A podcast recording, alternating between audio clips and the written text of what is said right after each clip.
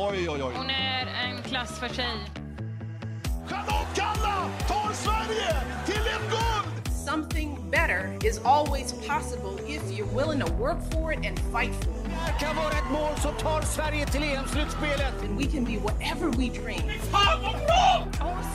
Sliter, hon sliter. People see us for who we truly are. Jag började och inte tjejer fick spela fotboll. They too will be inspired. Helt plötsligt står jag här som förbundskapten för det svenska damlandslaget. 05, stopp in! Vilken nagelbitare, vilket drama!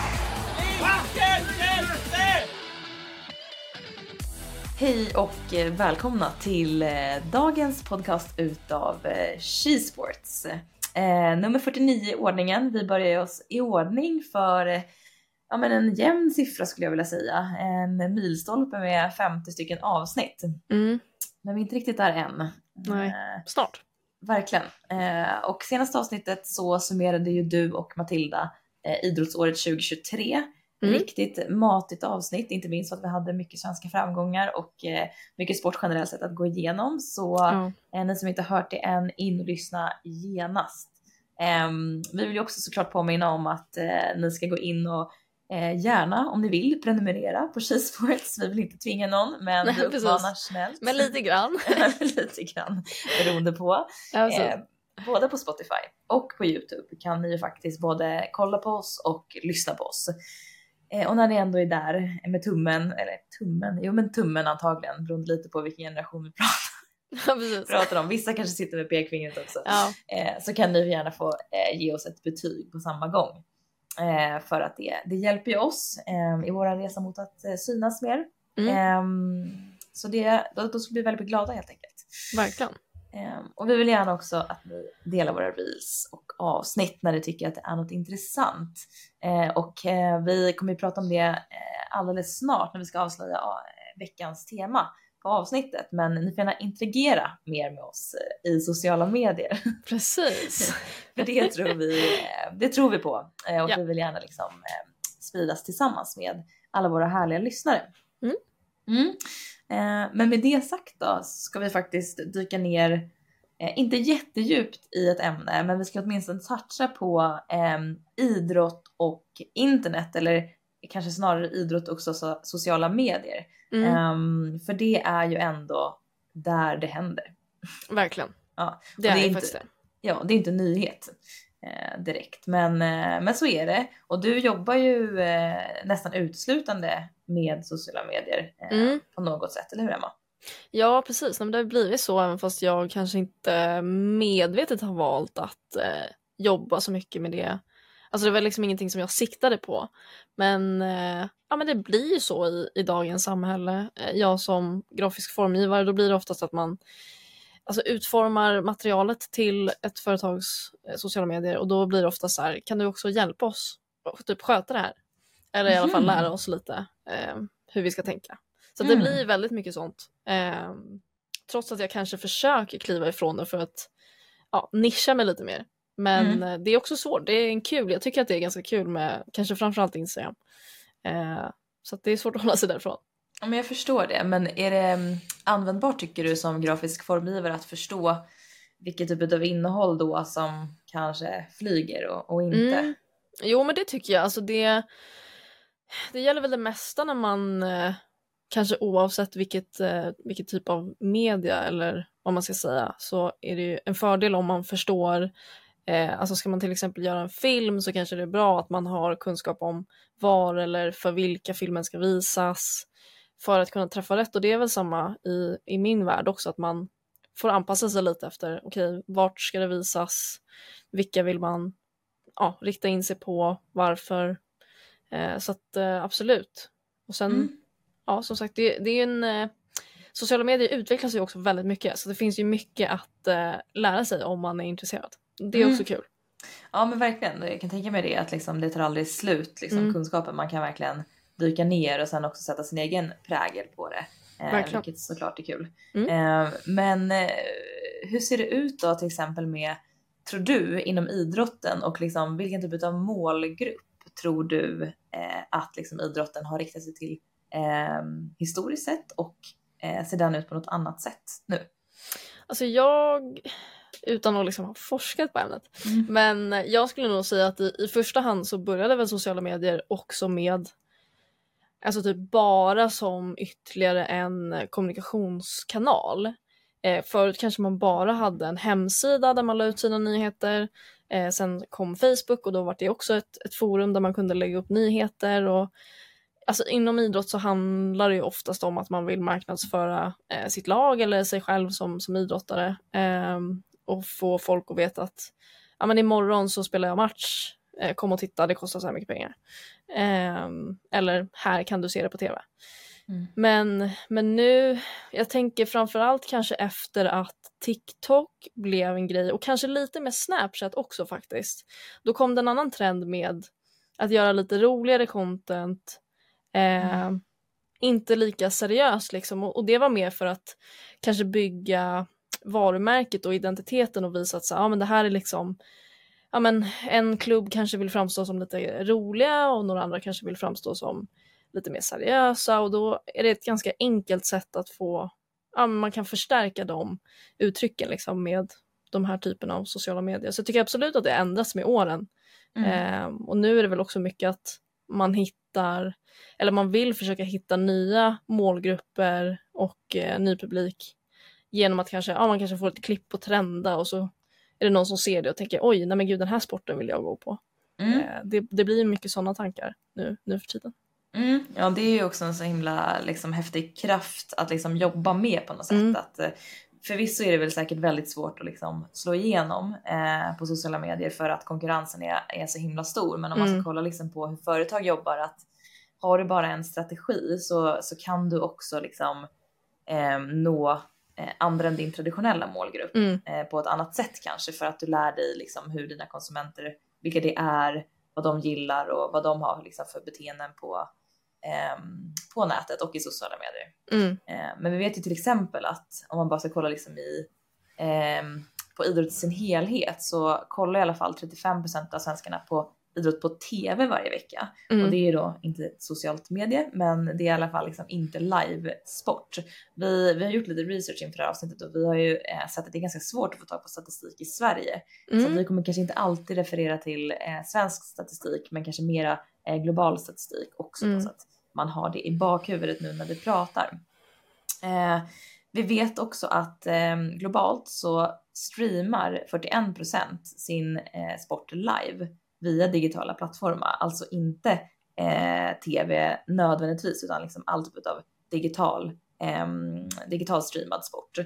Och vi vet också att 43% utav eh, Gen Z eller Generation C eller Z, Mm. eh, vilka det nu än är, använder eh, sociala medier som ett verktyg eller alltså en interaktion när man faktiskt också är alltså på arenan och kollar på livesport. Mm. Så att till och med när man sitter liksom i, ja, i en arena eller var, vart man än kan vara så använder man sociala medier för att förstå sporten bättre. Ehm, eller kanske hitta liksom mervärde och fakta och vinklar på att, att liksom höja, ehm, höja upplevelsen. Så det är också ganska intressant. Mm. Ehm, Verkligen, det blir liksom, eh, man kan ju nästan säga att de människorna är på sport fast dubbelt så mycket. Jag förstår vad jag tänker? Än de som Ja, bara verkligen. sitter på läktaren. Så de som också kanske sitter och kollar stats i telefonen eh, har liksom i dubbel bemärkelse inlevelse i, i matchen eller vad de tittar på. Alltså verkligen, det blir ju en, en extra parameter till Mm. att uppleva idrott. Ehm, och har man då närvaro där på olika sätt, alltså som klubb eller enskild idrottare eller liksom ehm, som företag, om det nu är, handlar om marknadsföring tillsammans med idrottare så, så har det ju framför, alltså verkligen en edge. Mm. Ehm, och vi vet också att eh, om vi skulle liksom fortsätta eh, bara dyka ner i statistiken för att liksom sätta någon slags förståelse för hur pass utbrett det här är så vet vi liksom att nästan 60 procent utav eh, personer då i åldrarna 16 till 24 ehm, som ändå är en målgrupp som är liksom viktig att fånga upp för man Mm. etablerar någon form av liksom identitet och konsumtionsmönster i den åldern. Man liksom får sina första jobb och Mm. eh, man etablerar eh, intressen på ett annat sätt. Liksom. De följer en idrottare eller idrottslag i sociala medier eh, ganska liksom eh, regelbundet, alltså eller Mm. dagligen.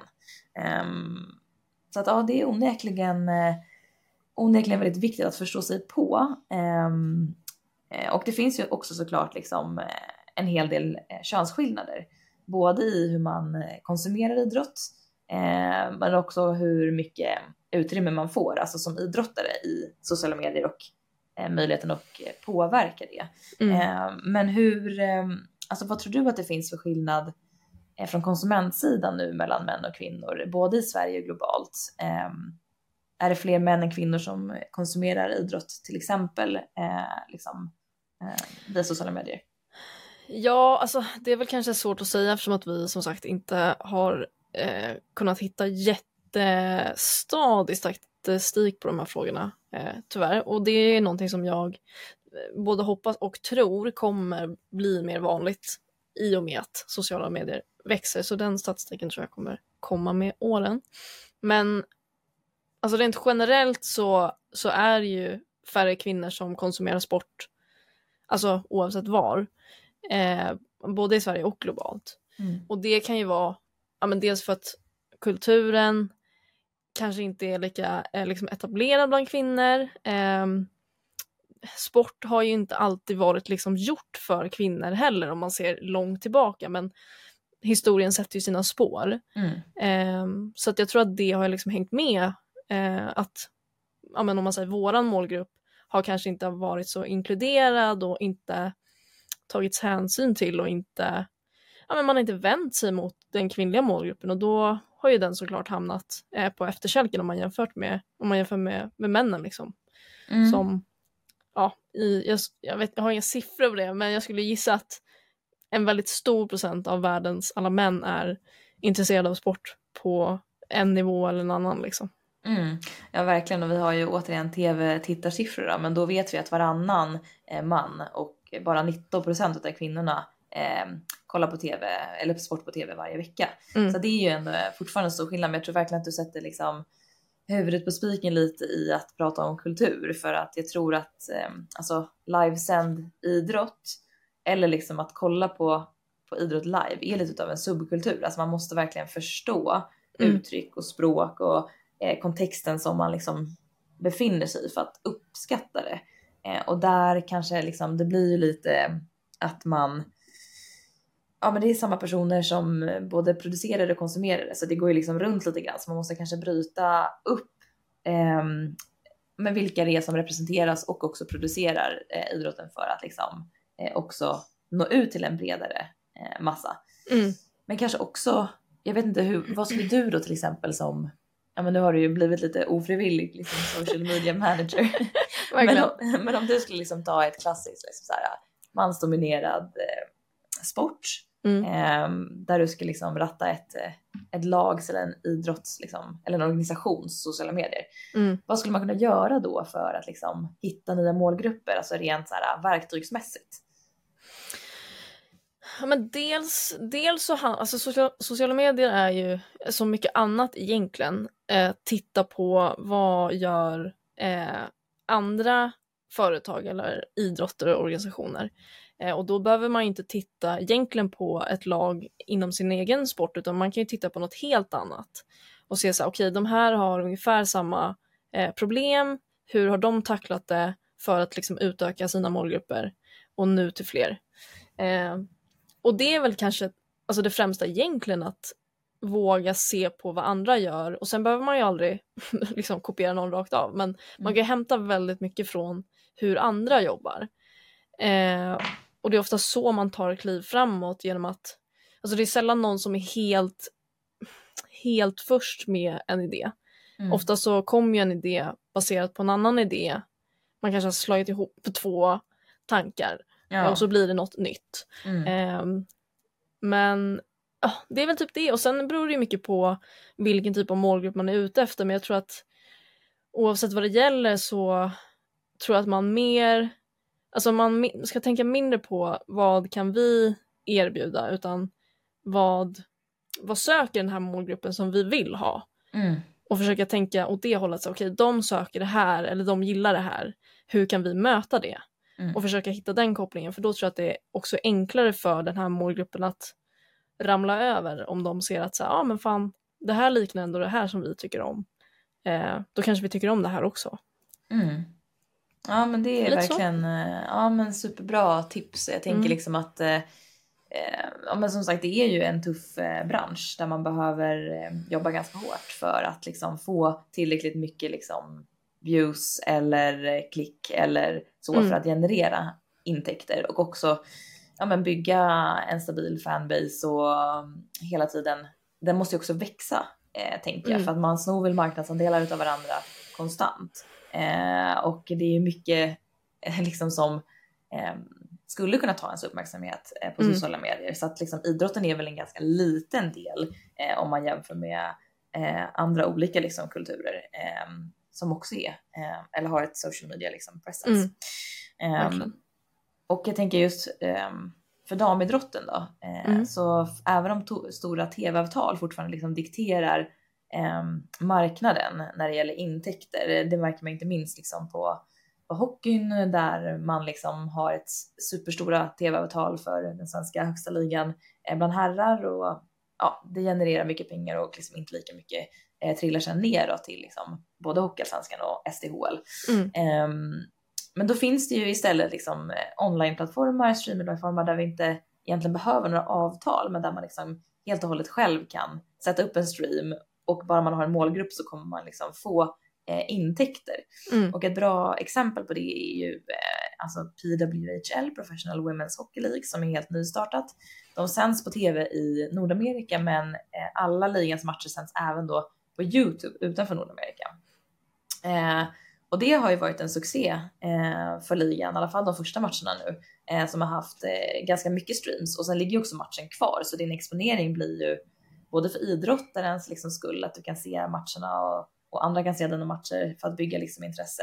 Det Mm. finns ju liksom en längre tid som du kan se matchen på och sen så är det också alltså ekonomiskt sett mera ja, men det är enklare. Det, finns, det är mer lättillgängligt. Det kostar ju faktiskt ingenting att Nej, kolla på de här precis. matcherna på Youtube. Så att, ehm, tror att det kan liksom vara något eh, som är liksom banbrytande för idrott överlag nu att, att fler liksom mindre sporter som inte sitter på de här stora avtalen bara försöker bygga sina, eh, sina målgrupper och titta liksom baser utanför traditionell eh, sportmedia.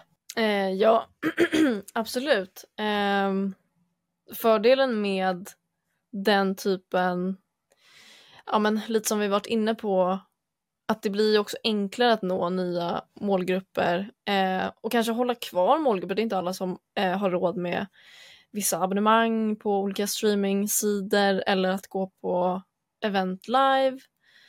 Eh, och att använda sig av den här typen av eh, streamingtjänster som är ja, men generellt sett gratis eller kostar mycket mindre. Eh, jag tror att det är en väldigt bra väg att gå. Och sen finns det säkert de som tycker att så här, ah, men vi, då tjänar vi inga pengar på det. För att de inte får just intäkten för själva eh, tittaren på matchen. Men jag tror att då måste man titta lite mer på eh, vilka reklamintäkter man kan ta betalt för eller liksom ja, reklamplatser och så i, eh, som syns i och med det. Och som du säger, matcherna ligger kvar, de kan ses så många gånger som helst. Eh, så det är en reklamplats för ett företag eh, som säkert av den anledningen kan betala ganska mycket pengar. Eh, så jag tror att, eh, och de har säkert gjort den avvägningen, eh, PWHL, Så, Tongue så dåligt namn. Mm. Ja. Eh, nej men de har säkert tänkt den tanken. Sen vet inte jag riktigt hur eh, tv-avtalet ser ut i, i Nordamerika för dem. Men, eh, men jag tror att de har nog sett den här satsningen lite som en, eh, ja, men dels en satsning för att nå bredare. För att kunna nå eh, ja, men ut i hela världen eh, på ett enkelt sätt. Och sen så kommer de ju såklart tjäna lite kronor på det också, även fast de inte tar betalt för att ja, men du och jag ska kunna titta på, på videon. Mm. Eh, Ehm, att, ja. mm, ja, men det är, det är intressant åtminstone att man liksom och eventuellt som organisationer beroende lite på hur stor du är kan påverka eh, mer hur du når ut liksom Mm. nu än vad det var tidigare och det kommer säkerligen öka också. Ehm, men hur mycket lägger i genomsnitt ett svenskt företag på marknadsföring i eh, sociala medier? Eh, jag kan tänka mig att det skiljer såklart väldigt mycket mellan företag och också beroende på vad du vad du väljer att liksom investera i då. Ja, alltså det är svårt det där också. Ehm, det är väl lite beroende på olika branscher, men om man säger om man ska titta på influencers som är ändå så här ja, men, har blivit väldigt vanligt nu eh, för företag att, att eh, sköta sin marknadsföring genom vissa företag eh, marknadsför sig bara genom att vända sig till eh, olika influencers. Ehm, och eh, ja, de har gjort lite räkningar på det här och då skulle de säga att det internationella genomsnittet för en, liksom en mellanstor influencer eh, ligger på ungefär 300 dollar per inlägg. Eh, och då pratar vi om Instagram. Och det är en väldigt generell siffra liksom. Eh, men man kan säga att så här, svenska in influencers, där, om, säg att du har ja, men mellan 50 000 till 100 000 följare, då, då brukar det ligga på mellan 15 000 till 25 000 kronor per inlägg. Mm. Eh, och sen så ökar det och det är också svårt. Det är svårt att dra ett snitt liksom för att det finns ju de som, som kanske inte har lika mycket följare men som har ännu mer eh, liksom engagement rate, alltså som vi var inne på i början, att engagera sig i inläggen. Mm. Eh, för det är ju trots allt det är de här engagemangen och det betyder inte bara att gilla utan att kanske dela, kopiera länken till ett inlägg, eh, kommentera såklart, skicka till en kompis. Allt det där är det som eh, är mest värt egentligen. Så om man, många tittar kanske på views men det är inte alltid det som är mest värdefullt. Mm. Eh, så att även fast en, en influencer eller ja, en känd person kan ha kanske lite mindre antal följare så kan de ändå säkert kunna ta väldigt mycket betalt för ett inlägg för att de har höga eh, andra siffror som, som kanske inte vi ser men som de kan redogöra. Mm. Eh, så det är ju såklart väldigt olika. Just det. Men eh, jag tänker i alla fall att svenska företag eh, lägger betydligt mycket mer på eh, marknadsföring i sociala medier nu än för bara liksom fem år sedan och att det är liksom på uppgång ändå. Mm. Det tror jag verkligen. Jag, alltså, om man säger jag som grafisk formgivare, återigen, det är inte, jag har inte jättemånga kunder som kommer och säger att de vill formgiva en, eh, en, en reklam för en tidning, alltså en fysisk tidning. Eh, det, det är väldigt sällan det händer. Ja. Eh, så att, eh, så den, den fysiska tidningen har ju typ utdött. Mm. Eh, så det är verkligen den digitala marknadsföringen som är eh, superstor nu. Mm.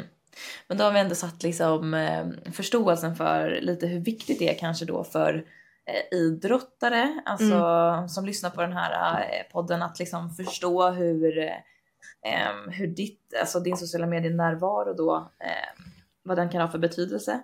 Men även liksom hur eh, klubbar och organisationer tänker när man ska ja, men förbättra, utveckla och liksom kanske bibehålla em, det man själv vill marknadsföra och också tänka till kanske en extra gång gällande liksom okej, men hur pass jämställd är våran marknadsföring eh, Mm. just nu? Vilka typer av profiler lyfter vi fram?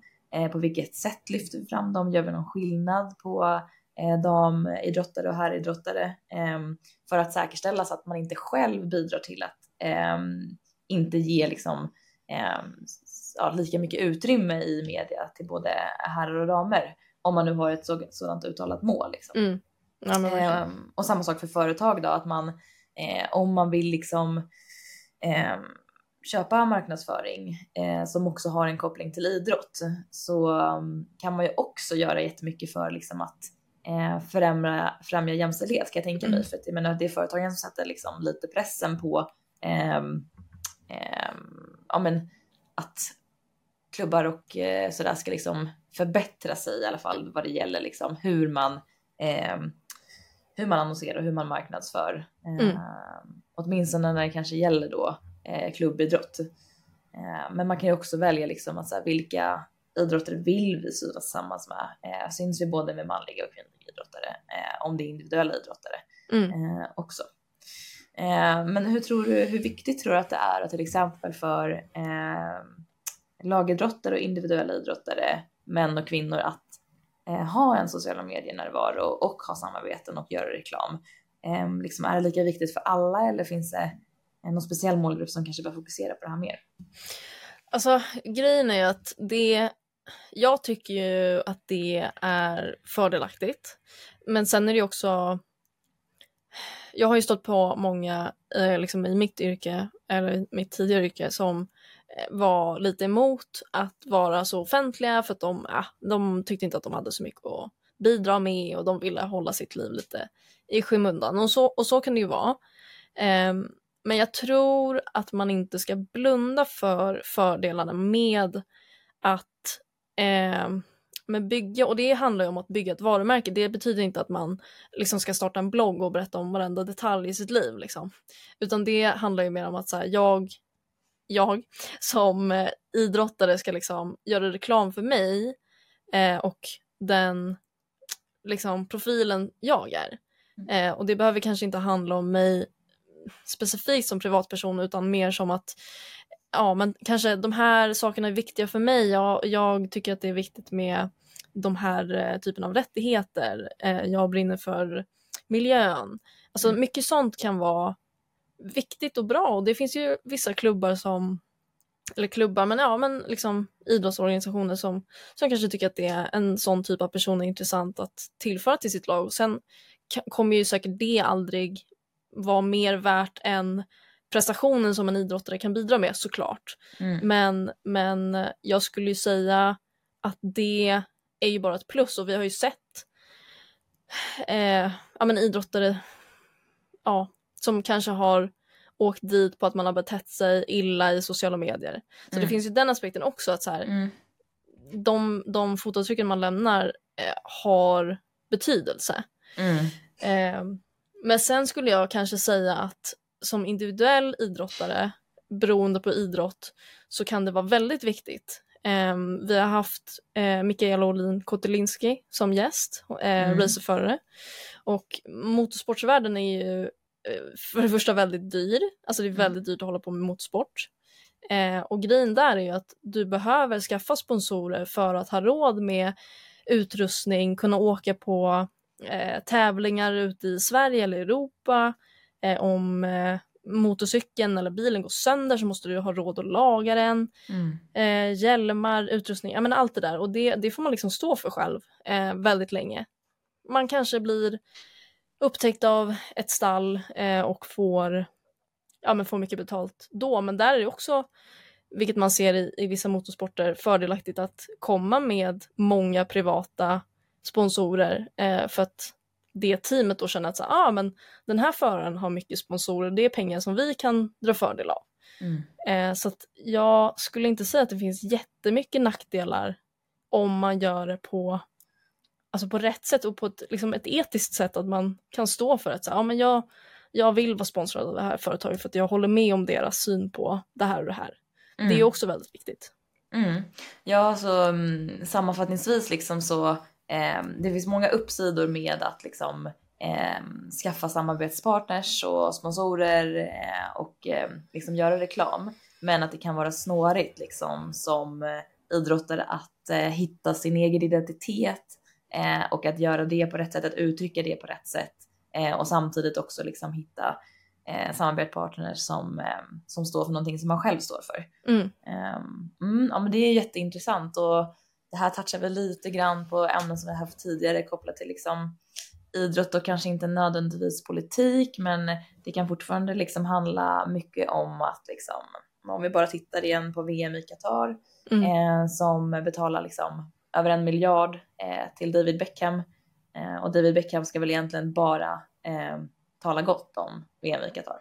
Mm. Alltså för att promota en, en tillställning som kanske inte enligt vissa har superrent mjöl i påsen. Eh, så att precis som du säger, det är liksom både risker och möjligheter med eh, samarbeten. Men det är ju bra som liksom idrottare då att kunna eh, navigera i, eh, i den världen. Och framförallt liksom om vi riktar oss nu mot ehm, kanske unga tjejer ehm, som är liksom i början av sin professionella idrottskarriär.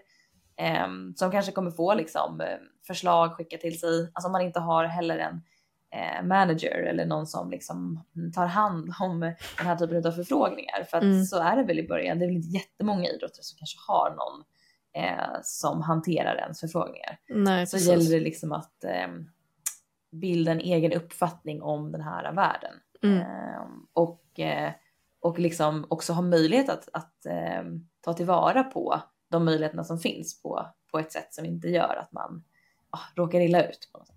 Nej precis och det kan ju vara svårt. Jag, alltså jag kan ju tänka mig om man om man jagar sponsorer och så kanske det kommer någon som är villig att sponsra med en, en summa eller utrustning eller vad det kan vara. Men så är det kanske ett företag som man själv kanske inte känner att man ja, men är liksom aligned med.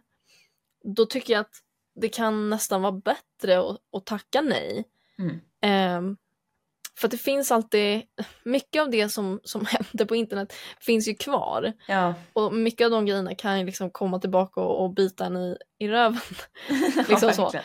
Eh, Jo, så att jag, och framförallt nu när det börjar bli så vanligt så tycker jag ändå att det, eh, jag skulle nog säga att det kanske viktigare att välja rätt typ av företag eh, än att välja ett företag bara för att man får, får sponsorpengarna.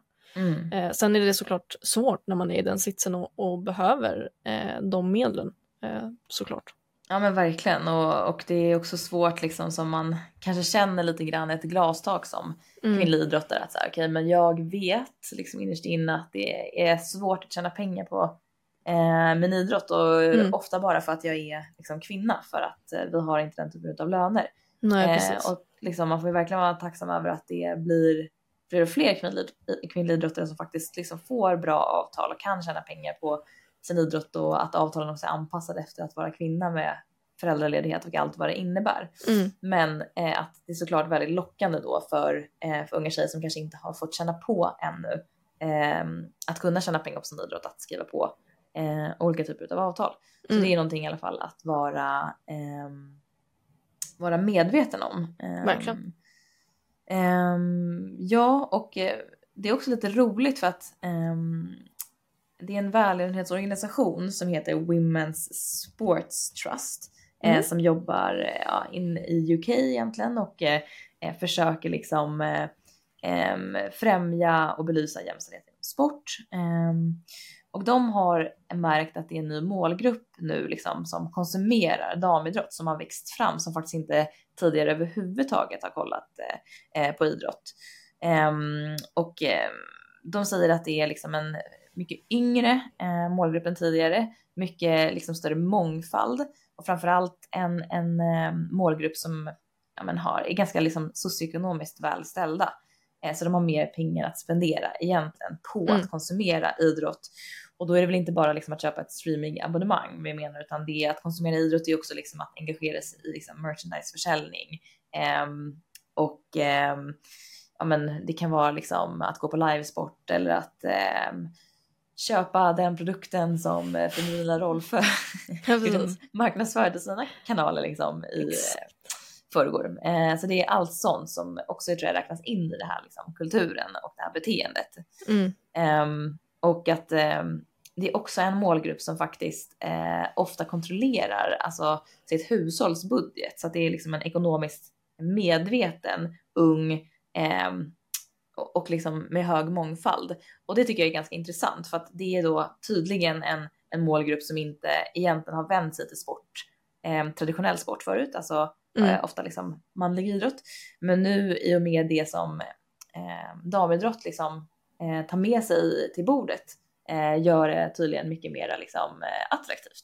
Mm. Eh, så det tycker jag är väldigt eh, intressant. Eh, Mm, verkligen. Jag kan ändå tänka mig det liksom i och med, alltså åh, ja, man ska inte dra alla över en kam, men traditionellt så har väl kanske, ja men här traditionella sporterna vi pratar om, det har kanske varit lite macho stämning, eh, vissa stunder kanske det kan kännas hotfullt, det kanske inte är för alla, eh, men som vi också har varit inne i podden på tidigare så är det någonting som damidrotten oftast inte eh, vill ha eller attraherar.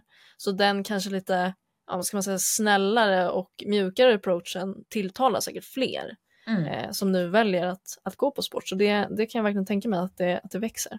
Mm, och verkligen liksom en lojal målgrupp också. Att liksom Mm. fastnar de för någonting så vill de gärna spendera sina pengar där. Och det kan man ju se liksom i andra industrier som till exempel liksom beautyindustrin. Att så här, hittar man någonting som man gillar så blir man oftast väldigt lojal till det Mm. märket eller den personen. Och sådär. Ehm, så det är väl toppen om det kommer till damidrott och för med sig alla positiva aspekter Mm. ehm, som finns.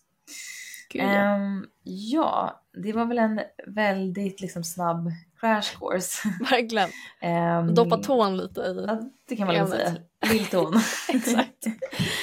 Och ehm, ja, men det är väl tänkt att det här avsnittet ska liksom rikta sig till både konsumenter, alltså så här, vad kan man tänka på eh, när man konsumerar idrott och vad finns det för eh, möjligheter och skillnader eh, och sådär. Eh, men även eh, unga idrottare och äldre kanske för den delen Mm. som eh, vill eh, öka på sin sociala medier-närvaro. Vad ska man tänka på och vad finns det för möjligheter och, och eh, risker? Mm. Så att, ehm, och vi skulle nog eh, väldigt gärna göra liksom ett mera detaljerat eh, avsnitt om det här senare eh, där vi hoppas kan få hit någon slags expert eh, som kan prata om det här mer. Kanske har Eh, hittat lite statistik Exakt, exakt. som inte verkar finnas. Nej, verkligen. ehm, för hur det ser ut i Sverige då. Men eh, håll till godo med det här så länge, eh, tänker jag. Så hoppas jag att vi kan prata ännu mer om det här sen. För det är onekligen väldigt intressant. Verkligen. Ehm, och eh, innan vi avslutar ska vi bara ehm, berätta lite grann vad ni kan kika på i helgen. Nu är det ju faktiskt bara måndag. Så Ja. att vi börjar teasa lite tidigt här. Men Precis. jag tänker att vi laddar upp. Det är mycket skidor överlag. Mm. Men någonting som går hela skidsäsongen nu är ju Ski Classics. Och eh, nästa lopp är då i helgen på lördag. Ehm, och det loppet heter eh, La Diagonala vill jag säga men jag tror inte, jag tror inte att det uttalas så.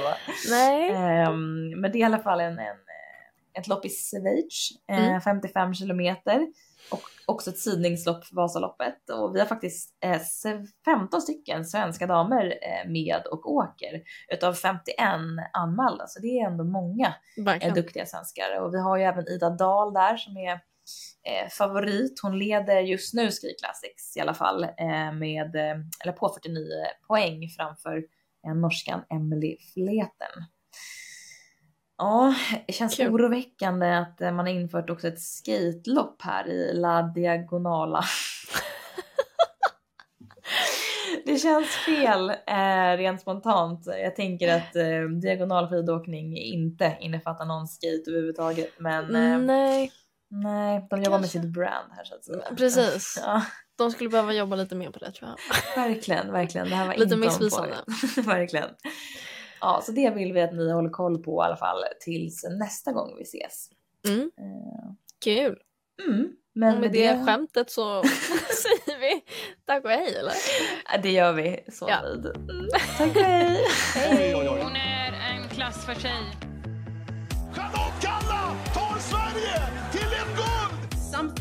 Better is always possible if you're willing to work for it and fight for it. Det här kan vara ett mål som tar Sverige till EM-slutspelet. And we can be whatever we dream. Fan vad bra! Hon sliter, hon sliter. People see us for who we truly are. Jag började och inte tjejer fick spela fotboll. They too will be inspired. Helt plötsligt står jag här som förbundskapten för det svenska damlandslaget. 05, stopp in! Vilken nagelbitare, vilket drama! Vilken hjälte!